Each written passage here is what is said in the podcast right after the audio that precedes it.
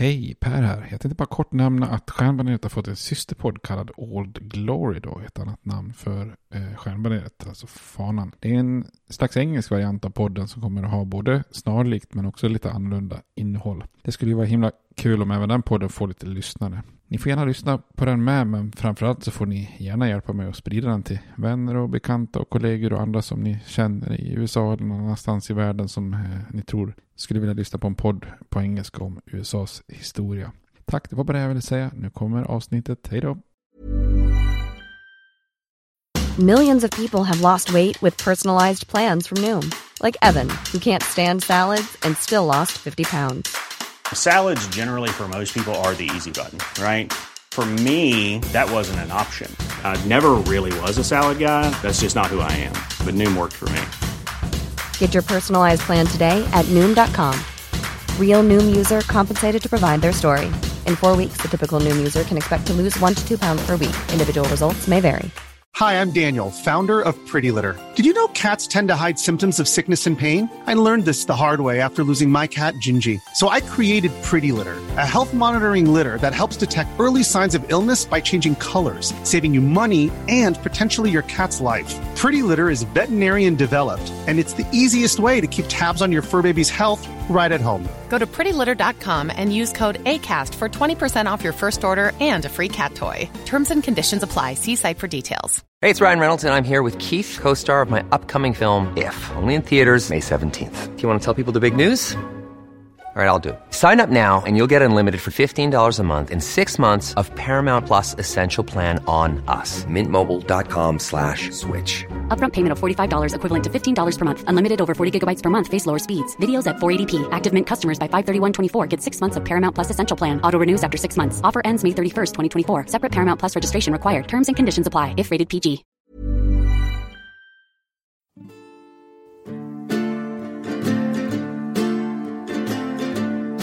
We hold these truths to be self-evident, that all men are created equal, that they are endowed by their Creator with certain unalienable rights, that among these are life, liberty, and the pursuit of happiness. Now we are engaged in a great civil war, testing that government of the people, by the people, for the people, shall not perish from the earth. And so, my fellow Americans, ask not what your country can do for you, ask what you can do for your country.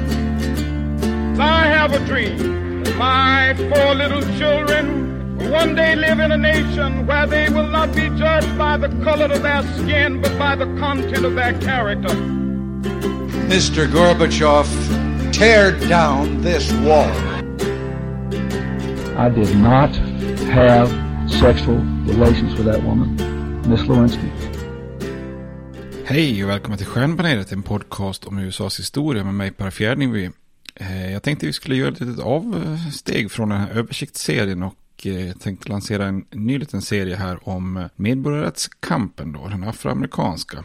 Och man kan ju, för att sätta det i perspektiv och lite inramning så kan man ju såklart mena, mena väldigt många olika saker med en medborgarrättskamp. Alltså man kan ju inkludera alla typer av minoritetsgrupper som etniska, alltså som afroamerikaner, latinos eller ursprungsamerikaner. Eller också kan man ju göra det utifrån eh, liksom könsperspektivet med kvinnor och så vidare. Och jag tänker egentligen att samtliga de här grupperna förtjänar ju sin egna lilla djupdykning. Och, och i den här miniserien tänkte jag framförallt då eh, rama in mig på afroamerikanernas kamp då. Eh, tidsmässigt tänkte jag också ta ett ganska brett perspektiv för det tycker jag liksom att ämnet förtjänar. Eh, för många är ju liksom medborgarrättskampen kanske främst förknippat med det som man brukar kalla för medborgarrättsrörelsen, liksom de här tio väldigt aktiva händelserika åren med intensiva kampanjer som ägde rum på 1950 och 60-talet. Då. Och tar man det perspektivet så brukar ju kanske historien starta någonstans där runt bussbojkotten i Montgomery, Alabama vid, runt 1955 då och slutar någonstans runt 1965 när, när Lyndon B. Johnson efter kampen i Selma skriver under den kända lagen Voting Rights Act. Då.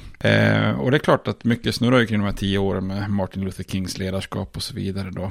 Eh, men då blir ju också kampen lite så här geografiskt nästan uteslutande också placerat i södern. Och väldigt stor del av den här kampen sker ju såväl i nordstaterna som i västern som i södern så att säga. Hela USA och egentligen både före, under och efter den här rörelsen på 50 och 60-talet. Eh, rasismen var ju på många sätt utbredd liksom över hela landet, även om institutionerna liksom för förtryck hade kanske större kraft och öppenhet i, i, i Söderns system och, och lagar där man gjorde det utan att egentligen blinka. Då.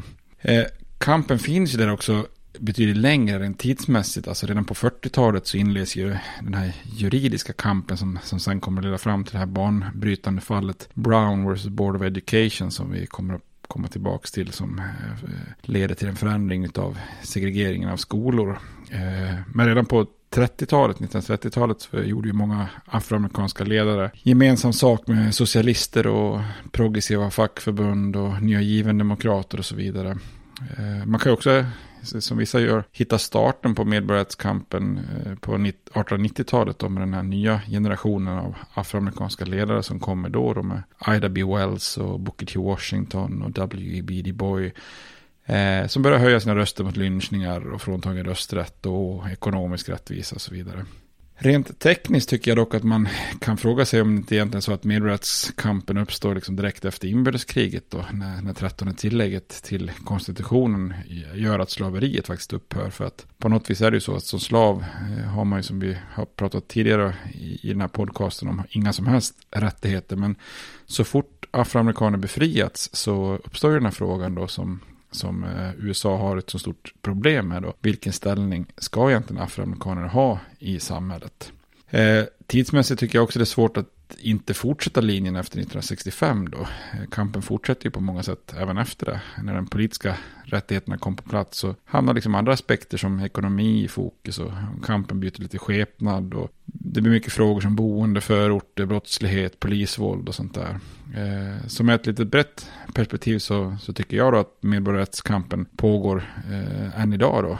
Eh, och eh, det ser man ju kanske då med det här Black Lives Matter som jag tror inte har undgått någon. Och, eh, och då är det bra om man faktiskt drar ut linjen i, i en sån miniserie fram dit då. Så att start egentligen 1865 och, och slut i, i det moderna USA så fångar man hela medborgarrättskampen då tänker dock att vi har pratat en del redan i översiktsserien och så vidare. Så att eh, jag tänker ändå lägga lite nya synvinklar och fokus på afroamerikansk historia då. Eh, och jag tänker också att vi får ju inte slarva bort då den här medborgarrättsrörelsen på 50-60-talet då. Men eh, samtidigt fortsätta bortanför den då med lite Black Power och Malcolm X och Trayvon Martin och Black Lives Matter så att säga. Eh, och det här blir ju på många sätt i så fall en serie också om den amerikanska rasismen då. Och det är ju en av de stora tragedierna med den amerikanska rasismen nu som då, det är ju det här med afroamerikaner som har levt många generationer i USA som en del av liksom den västerländska kulturen och är engelskspråkig till övervägande del kristna men ändå har förnekats de medborgerliga rättigheter under en så otroligt lång tid i det amerikanska samhället, som det på många sätt också har varit med och byggt upp då rent ekonomiskt. Eh, symbolen för det är väl kanske att afroamerikaner bokstavligt talat byggde Vita huset, vilket är rätt talande.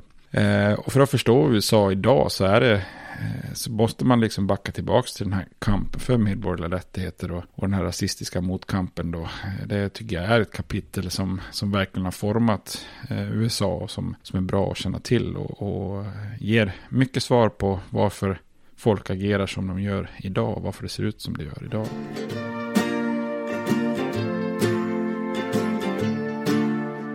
Jag tänkte i det här första avsnittet också Eh, istället för att göra en återblick på själva slaveriet och hela abolitioniströrelsen och sånt där som försökte avskaffa slaveriet så tänkte jag istället låta två livsöden få symbolisera just övergången från slaveri till frihet. Då, nämligen, nämligen Frederick Douglass och Harriet Tubman. Eh, och det här är väl lite ett sånt inslag jag tänkte vi för ha den här serien att ändå ge lite kortare beskrivning av afroamerikanska profiler som har varit eh, viktiga för USAs historia. Och liksom lyfta fram de män och, kvinn, män och kvinnor som har kämpat i den här kampen om medborgerliga rättigheter. Då. Eh, som vi såg från första början när vi pratade om den koloniala tiden så kom ju de första slavarna redan 1619 då.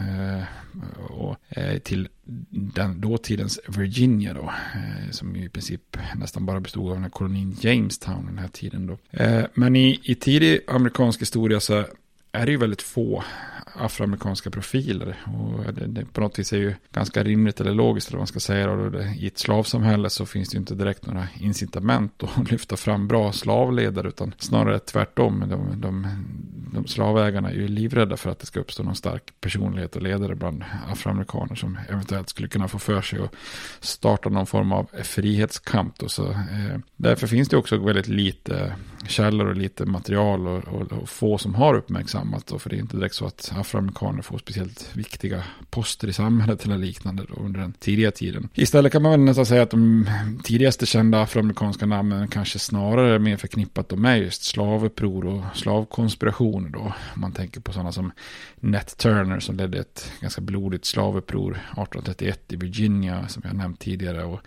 av även Gabriels tänkta uppror i Virginia 1800 som inte riktigt blev någonting av och Denmark Wesseys komplott i, South Carolina 1822 som skrämde livet ur, ur den vita befolkningen i Charleston-trakten då.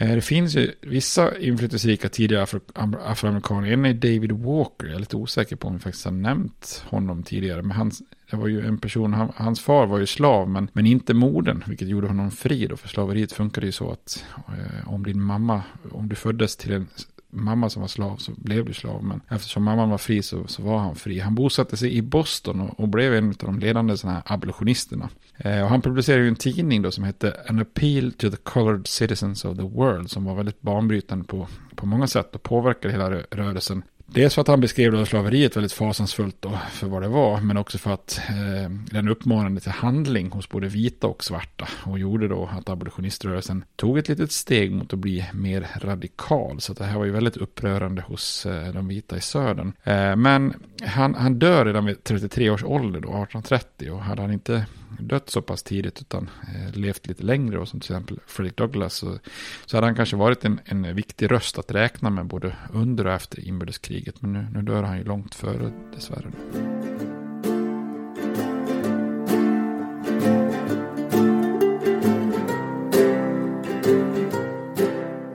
Men om vi börjar med den kanske första riktiga afroamerikanska kändisen så är ju det faktiskt Frederick Douglass. Eh, som vi har, tror jag, nämnt någon gång tidigare, i alla fall i podden. Då. Han blev ju en väldigt känd ledare bland abolitioniströrelsen och en väldigt tidig förkämpe även för kvinnors rättigheter. Eh, men han föddes ju i slaveriet och runt 1808 eller jag säger 1818 någonstans då, som slav i, i Maryland. Eh, och det är inte he helt oväntat att det inte finns något exakt eh, datum eller år då, för det var ju inte så att det eh, dokumenterades och så vidare. Så att, eh, och i värsta fall så skildes ju barn från i relativt ung ålder från sina föräldrar och så vidare. Så att många slavar visste ju inte riktigt när de, när de var födda exakt och vilken som var deras eh, riktiga så att säga födelsedag. Då.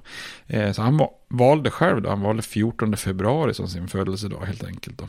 Det, är väl, det är väl alla hjärtans dag, va? det var inte så dumt, eh, dumt val kanske. Inledningsvis så levde den unga Frederick hos sin mormor som heter Betty Bailey och, eh, och hans mamma var väldigt frånvarande ute på fälten och, och, och, gick också bort tidigt i hans liv när han bara var, åt, eller var tio år gammal. Då. Eh, som relativt ung så blev Douglas utvald att bo i samma hus som plantageägaren och det här har ju gjort att det spekuleras ifall det var så att ägaren i själva verket var hans pappa, något som inte var så att säga ovanligt vid den här tiden. Eh, och naturligtvis kunde leda till viss särbehandling. Det är ju konstaterat att många afroamerikanska amerikaner har ju inom slaveriet eh, var ju så att slavägarna, många slavägare fick ju barn med, med sina eh, afroamerikanska älskarinnor. Eller man, man tog sig helt enkelt frihet med de kvinnor som fanns på plantagen då. Och det ledde till en hel del barn då som föddes som slavar men som då kanske hade slavägaren själv, husets herre, som, som pappa då. Eh, en faktor som sticker ut med Fredrik Douglass det är att han lär sig läsa. Eh, ägarens, hans första ägares fru trotsade det förbudet som fanns i Maryland eh, och lärde eh, Douglass alfabetet när han var 12 år. Eh, och även om ägaren upptäckte det här och satte stopp för det här så var det så att säga redan för sent. För från den stunden så kunde Eh, Douglas fortsätta att lära sig och börja läsa då allt han kunde komma över. Eh, när Douglas senare hyrdes ut för att jobba för en annan slavägare, vilket var ett sånt vanligt system, särskilt i den övre södern, när, där, det, där det fanns kanske lite mer slavar än det fanns fält under en period här innan inbördeskriget. Då, eh, då kunde man hyra ut slaven som en arbetskraft. Då. Eh, och när han gjorde, blev uthyrd så började han lära andra slavar att läsa på söndagarna. Eh, men även om den här slavägaren inte verkar bry sig så gick ryktet i området och eh, det här sattes bryskt stopp för de här lektionerna då när en vit beväpnad mobb av lokala slavägare eh, tyckte att det här var helt fel. Vilket också var rent lagligt då i, i många av sydstaterna. Att man, man fick helt enkelt inte lära eh, afroamerikaner och slavar att läsa. Eh, I tonåren så hyrdes han ut till en slavägare som hette Edward Coey som var känd som en sån här riktig hårdför ägare, en så kallad slave breaker som man sa på den här tiden. Och den här Coes konstanta övergrepp och misshandel av, av den 16-åriga Douglas höll, höll liksom helt på att bryta samman honom eh, psykologiskt då. Men till slut en dag så tog han sig lite mod och stod upp för sig då. Eh, och eh, sånt kunde ju ibland sluta oerhört illa. Det kunde ju i princip leda till att man straffades till döden. Men eh, det här slavägaren eh, valde helt enkelt bara att inte misshandla, misshandla honom igen. Så att det var en, en, blev en bra situation för Douglas här. Eh, Douglas träffar 1838 en fri afroamerikansk kvinna i Maryland som heter Anna Murray och de blir kära då. Men eftersom ett liv tillsammans blir svårt eftersom Douglas då är slav och ägs av någon annan så iscensätter de en plan där hon hjälper Douglas att rymma från slaveriet samma år då. Eh, så den här Murray Eh, hon förser honom med lite pengar och så lyckas de få tag på en sjömansuniform. Så han ser ut lite grann då som en, eh, en medlem i Håkan Hellströms band kan man säga. Eh, och även då lite identifikationspapper som, eh, som de har fått tag på från en afroamerikansk sjöman. Och med de här papperna och pengarna så lyckas han ta då tåget från Maryland och ta sig till slut till ett så kallat safe house då som tillhör en abolitionist i New York då. Det fanns ju liksom olika rutter med säkra hus då. Den här underjordiska järnvägen som den kallas för. Murray själv då, hon följer senare efter och, och, till slut så kan de då gifta sig i New York. Eh, och efter det så flyttar de sen vidare norrut eh, när de har förenats i New York till en ort som heter New Bedford i Massachusetts som var då ett samhälle med väldigt många fria afroamerikaner. Eh, och ganska snabbt så börjar folk i abolitionistkretsar då att be honom att berätta och föreläsa om sitt, om sitt liv som slav. Då. Eh, den här kända abolitionisten som heter William Lloyd Garrison som ger ut tidningen The Liberator. Eh, kanske en av de mest hatade männen i södern. Eh, han får ju upp ögonen för, för Douglas och imponeras av hans berättelser. Och det här leder till att han får fler och fler uppdrag då att föreläsa Eh, och blir liksom lite av en afroamerikansk kändis ganska tidigt då. Eh, de här föreläsningarna var inte alltid fredliga då. Han gjorde bland annat en turné i mellanvästern och i mellanvästern fanns det ju mer invånare med, med, med liksom kopplingar mot södern och lite mer utbredd rasism. Och, eh, under en turné så attack attackeras han av en arg mobb och lyckas med nöd och näppe fly undan och gömma sig hos sin in, vänligt inställd familj. Eh, uppmanad av Garrison så ger Fredrik Douglass 1845 ut sin kända självbiografi som kallas för The Narrative of the Life of Frederick Douglass, an American Slave. Eh, och med den här boken så blir han ju ännu kändare och börjar efterfrågas som föreläsare även i, Europa. Då. Så samma år reser han till Storbritannien och Irland och föreläser. Eh, och där finns det faktiskt supportrar i England då, som samlar in pengar så att han formellt kan köpa sig fri 1847 från sin forna ägare så att han slipper känna sig som en, som en rymling då utan formellt sett också vara fri. Eh, han ger ut fler böcker då, My Bondage and My Freedom som kom 1845 och senare i sitt liv då, eh, 1881 så kommer eh, en bok som heter Life and Times of Frederick Douglass. Eh, och Douglass han är ju känd inte bara för att han kritiserade slaveriet och förespråkade avskaffande. Han blev ju också en av de första förkämparna av kvinnors rättigheter. Eh, så när kvinnorörelsen håller sin all, sitt första och väldigt kända möte 1848 i Seneca Falls eh, i, i eh, New York, alltså staten New York, så är faktiskt Douglas den enda afroamerikanska deltagaren, en av väldigt få män som får delta på det här på det här mötet. Då.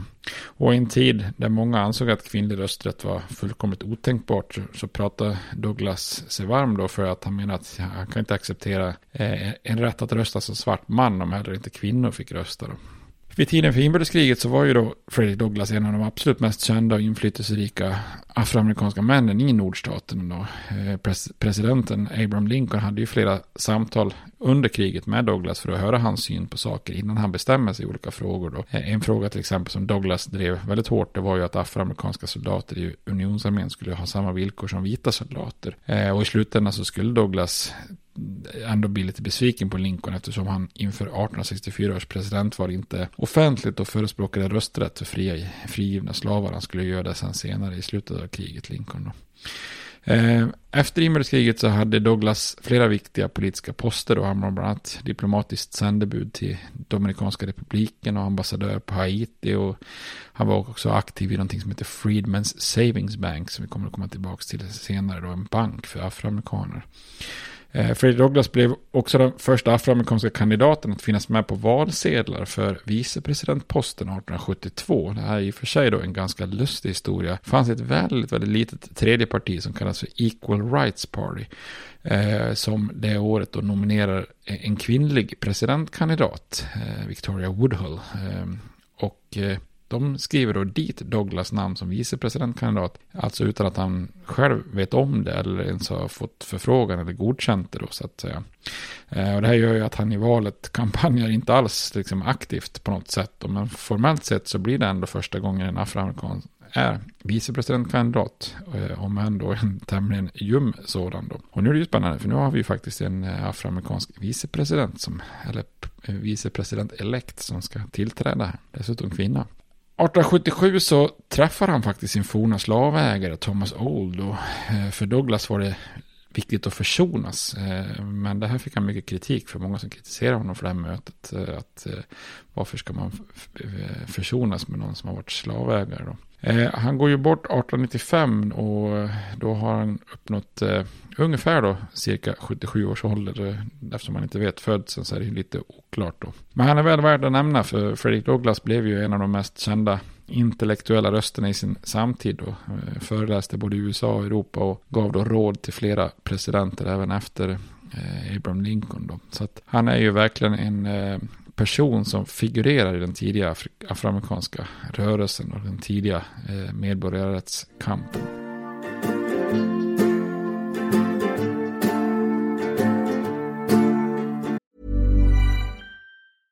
Ready to pop the question? The jewelers at BlueNile.com have got sparkle down to a science with beautiful lab-grown diamonds worthy of your most brilliant moments. Their lab-grown diamonds are independently graded and guaranteed identical to natural diamonds, and they're ready to ship to your door. Go to BlueNile.com and use promo code LISTEN to get $50 off your purchase of $500 or more. That's code LISTEN at BlueNile.com for $50 off. BlueNile.com code LISTEN.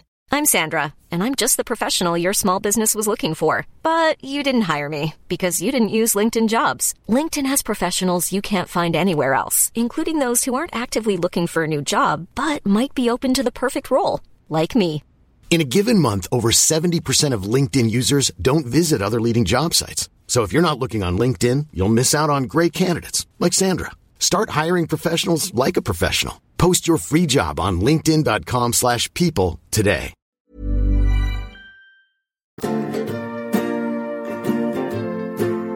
En annan av de tidiga kända profilerna i afroamerikansk historia och en av de kanske kändaste afroamerikanska kvinnorna i USAs historia var ju Harriet Tubman.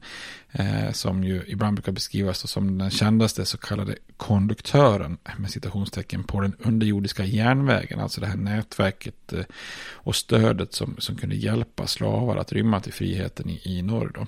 Och precis som eh, med Douglas och många andra slavar så är det lite oklart när hon föds. De gissar att det är någon gång mellan 1820 och 1825 då. Eh, och föds också in i slaveriet eh, hos ägare i Maryland. Maryland ligger ju ganska långt norrut men är ju en så kallad gränsstat till de fria staterna Pennsylvania. Så att här, här ser man ju också det här fenomenet att om slavar lyckas fri, fly från eller rymma från slaveriet så är det ju oftast från de slavstaterna som ligger längst norrut. Och precis som de flesta slavarna innehöll ju hennes liv, liv hårt arbete och väldigt mycket sorg. Då. Hennes ägare sålde exempelvis tre av Tabmans systrar till ett plantage långt bort så att de skildes och inte kunde ses något mer då. Eh, vid flera tillfällen utsattes hon för våld och straff i form av piskrapp och så vidare. Och hon fick permanenta fysiska skador och, och ärr för livet. Då.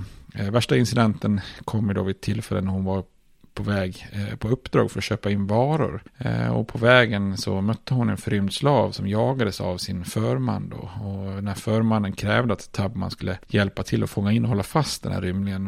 Eh, men när hon vägrar då så blir han arg och så slår han till henne med då en form av sån här vikt eller tyngd av bly eller vad det heter som man kan använda på vågor, vågar då. Och det här den här smällen i, i skallen gör att hon skulle få ha huvudvärk av och till hela livet tack vare den här smällen. Då. Eh, Tubman bodde ju då i Maryland, som sagt, en gränsstat där slaveriet var på nedgång och, och där det var relativt vanligt att fria slavar. Eh, och, och, det fanns faktiskt en hel del afroamerikaner som också var fria då. Och hennes far frigavs av sin ägare i ett testamente. Eh, samma gällde hennes mor och barnen, varav Harriet då var en, men, men deras ägare valde att inte släppa dem fri i, i alla fall. Då. Eh, I vuxen ålder så gifte sig Harriet med John Tubman då. Eh, men rätt så lite känt om deras både, ja, så att säga, bröllop och, och liv tillsammans. Det blir inga större bröllop såklart om man är slav och så vidare. Men, eh, vid några tillfällen strax innan eh, hennes egna flykt så blir hon sjuk i perioder, vilket för en slav aldrig är ett bra omen då. För att när, i, i takt med att man är sjuk så sjunker ju värdet då eftersom man är, fungerar som en egendom och man riskerar alltid att bli såld till, till någon annan då i en sån situation. 1849 så blir hennes ägare sjuk och dör. Och det här innebär ju både ett hot och en möjlighet. Hotet är ju att det i samband med ägares död och testamenten är väldigt vanligt att slavar börjar säljas och ärvas av andra då som bor någon annanstans så att man tvingas flytta. Men eh, Harriet hon ser det som en möjlighet med och hon bestämmer sig för att nu är det läge att passa på att rymma och fly till Philadelphia. Nu får det helt enkelt vara nog med slaveriet. Eh, I det här läget så är hon ungefär i 30-årsåldern. Eh, och hennes make John valde att inte följa med och han varnar henne för att försöka rymma. Han säger du kan ge dig av men du kommer aldrig att överleva. Eh, så istället stannar han kvar i Maryland med en ny fru. Avståndet till Philadelphia som hon siktar på då, det är ungefär 14,5 mil. Eh, och som för alla förrymda slavar utgick ju en belöning till den som kan fånga in dem ifall man rymmer. Men det var ingenting som kunde stoppa Harriet Tubman för inte upp upptäckas då så fick man ju gå då nattetid och försöka orientera sig efter stjärnorna och på dagarna försökte hon gömma sig då i träskmarker och övergivna stugor eller högt upp i träd och så vidare. Eh, exakt hon, hur hon gjorde för att undvika förföljare och prisjägare och de som lurpassade trakten för att fånga förrymda slavar och föra dem tillbaka till sina ägare berättar hon aldrig riktigt helt officiellt då. Eh, när hon korsar gränsen in till det fria Pennsylvania så kände hon en enorm lättnad och senare berättade hon om, om det här ögonblicket och sa att när jag insåg att jag hade korsat den här linjen och såg ner på mina händer för att se om jag fortfarande var samma människa. Liksom. Eh, och det var en sån glans och härlighet över allting. Solen lyste som guld genom träden och över fälten och det kändes som att jag var i paradiset. Så det är en härlig, härlig känsla när man kommer in på fri mark så att säga.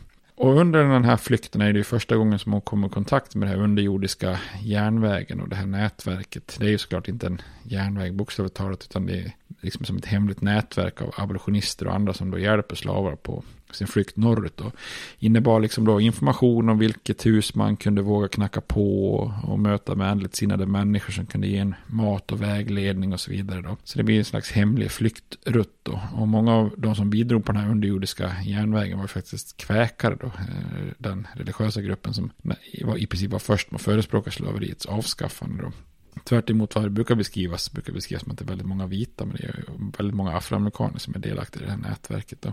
Men istället för att leva ett lugnt och tryggt liv i norr så, så gjorde helt enkelt Harriet till sitt livsuppdrag att försöka hjälpa andra slavar att fly då. Så mellan åren 1850 och 1860 då, i decenniet före inbördeskriget så gjorde hon totalt någonstans, det är lite oklart, någonstans mellan 13 och 19 egna resor där hon återvände tillbaka till söder för att guida förrymda slavar norrut till friheten. Eh, brukar oftast finnas eh, siffror på att hon hjälpte ungefär 300 personer att fly slaveriet. Men inte för inte så länge sedan så var det någon som verkligen försökte belägga det här mer exakt. Och, och då kom man fram till att hon väldigt, väldigt direkt hade hjälpt guidat 70 personer och sen kanske hon hade gett lite råd och information till ytterligare 70 personer. Men det är ju ändå imponerande, eh, imponerande av att eh, bidra till så, så många slavars frihet. Då.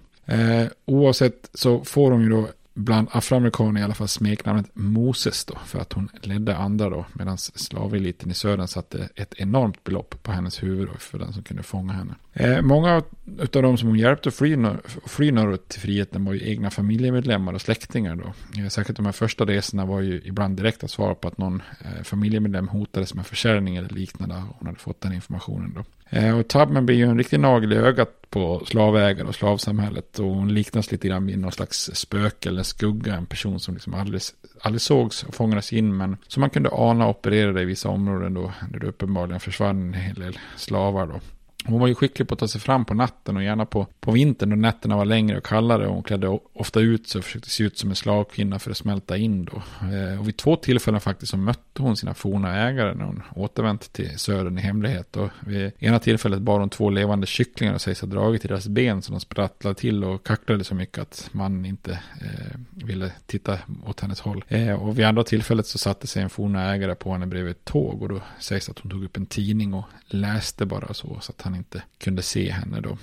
Eh, och under sina resor så bar hon alltid med sig en revolver då, både för att kunna försvara sig mot prisjägare och olika garden och sådär, men också för att Eh, eventuellt kunna hantera rymmare som tappade modet. Då. Det sägs att hon en gång ledde en grupp rymliga på väg norrut och, och då en person, en man ville lämna gruppen och återvända. Och Harriet förstod då att eh, om, man, eh, om, om den mannen hittas då, så, så då kommer ju prisjägarna snart att vara hack i häl på resten av gruppen. Så att hon skulle ha riktat revolvern mot honom och sagt bara du fortsätter eller dör. Så att det var hårda bur. Eh, jobbet som konduktör på den underjordiska järnvägen då, om man får kalla det så då, eh, just den här eran var ju extremt farlig. Eh, 1950 då, bara ett år efter att hon själv rymt, då kom den här ökända nya lagen om förrymda slavar som jag pratat om tidigare då, som var en, en sån riktig milstolpe på vägen mot inbördeskriget och det som gjorde eh, att eh, Harriet Beecher Stowe skrev eh, Onkel Toms stuga till exempel. Och den var ju extremt mycket hårdare än tidigare och krävde ju till och med att folk i nordstaterna deltog i att återlämna, återlämna förrymda slavar då. Och som ett svar på det här så började Tubman och andra förlänga den här underjordiska järnvägen så att slavarna som rymde tog sig hela vägen till Kanada där de kunde vara säkra på att vara helt säkra då, så att säga. Eh, men Tubman själv stannade kvar i de lägre nordstaterna eh, och vid en resa norrut så sägs det att Tubman och en grupp rymlingar faktiskt stannade till till och med hos Frederick Douglass på väg upp mot Kanada.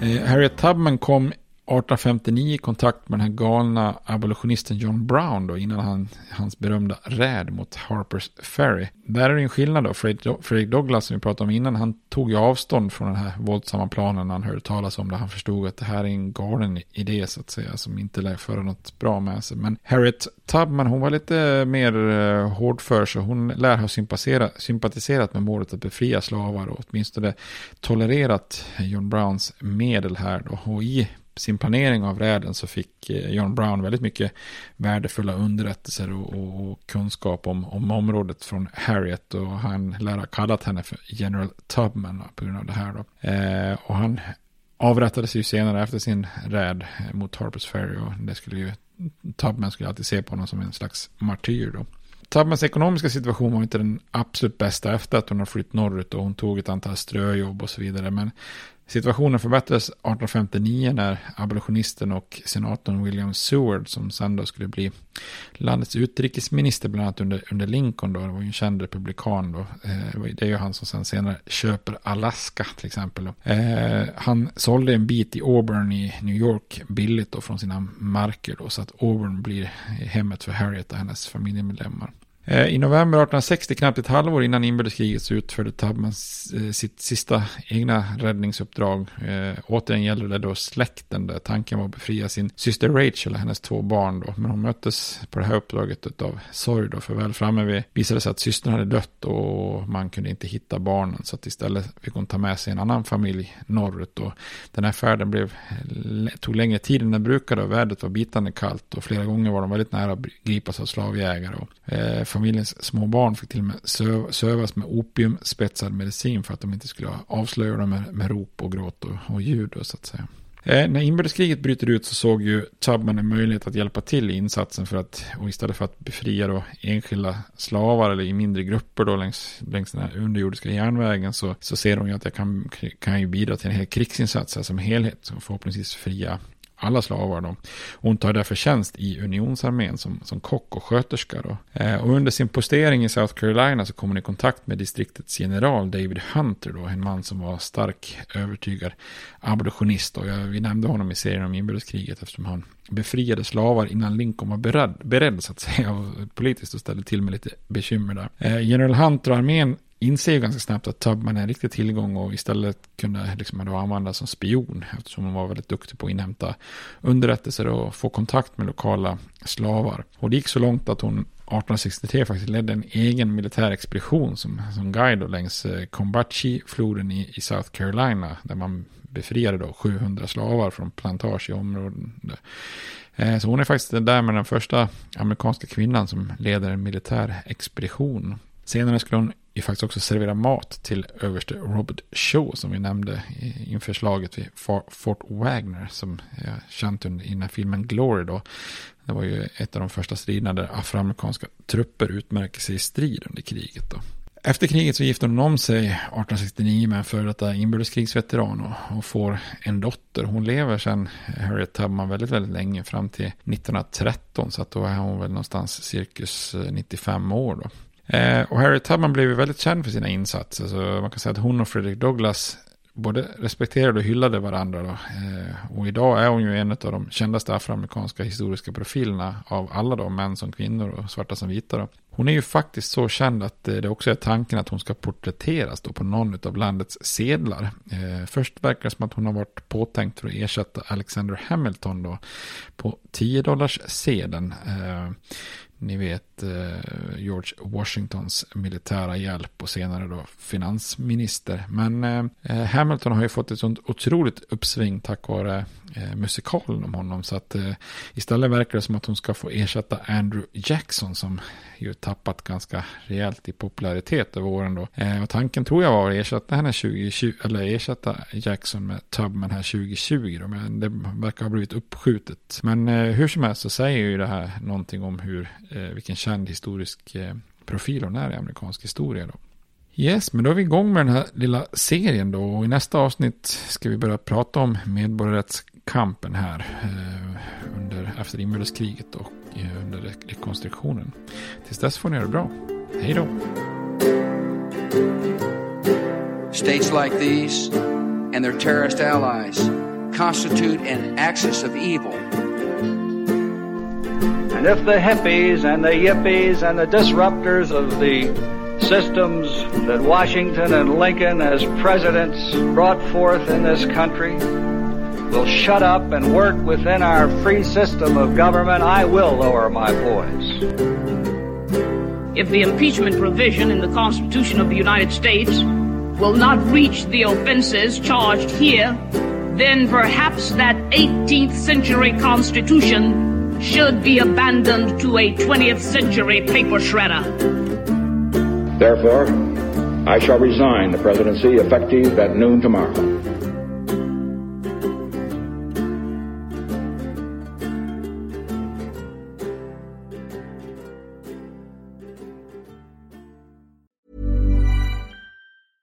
Even when we're on a budget, we still deserve nice things. Quince is a place to scoop up stunning high end goods for 50 to 80% less than similar brands. They have buttery soft cashmere sweaters starting at $50, luxurious Italian leather bags, and so much more. Plus, Quince only works with factories that use safe, ethical, and responsible manufacturing. Get the high-end goods you'll love without the high price tag with Quince. Go to quince.com/style for free shipping and 365-day returns.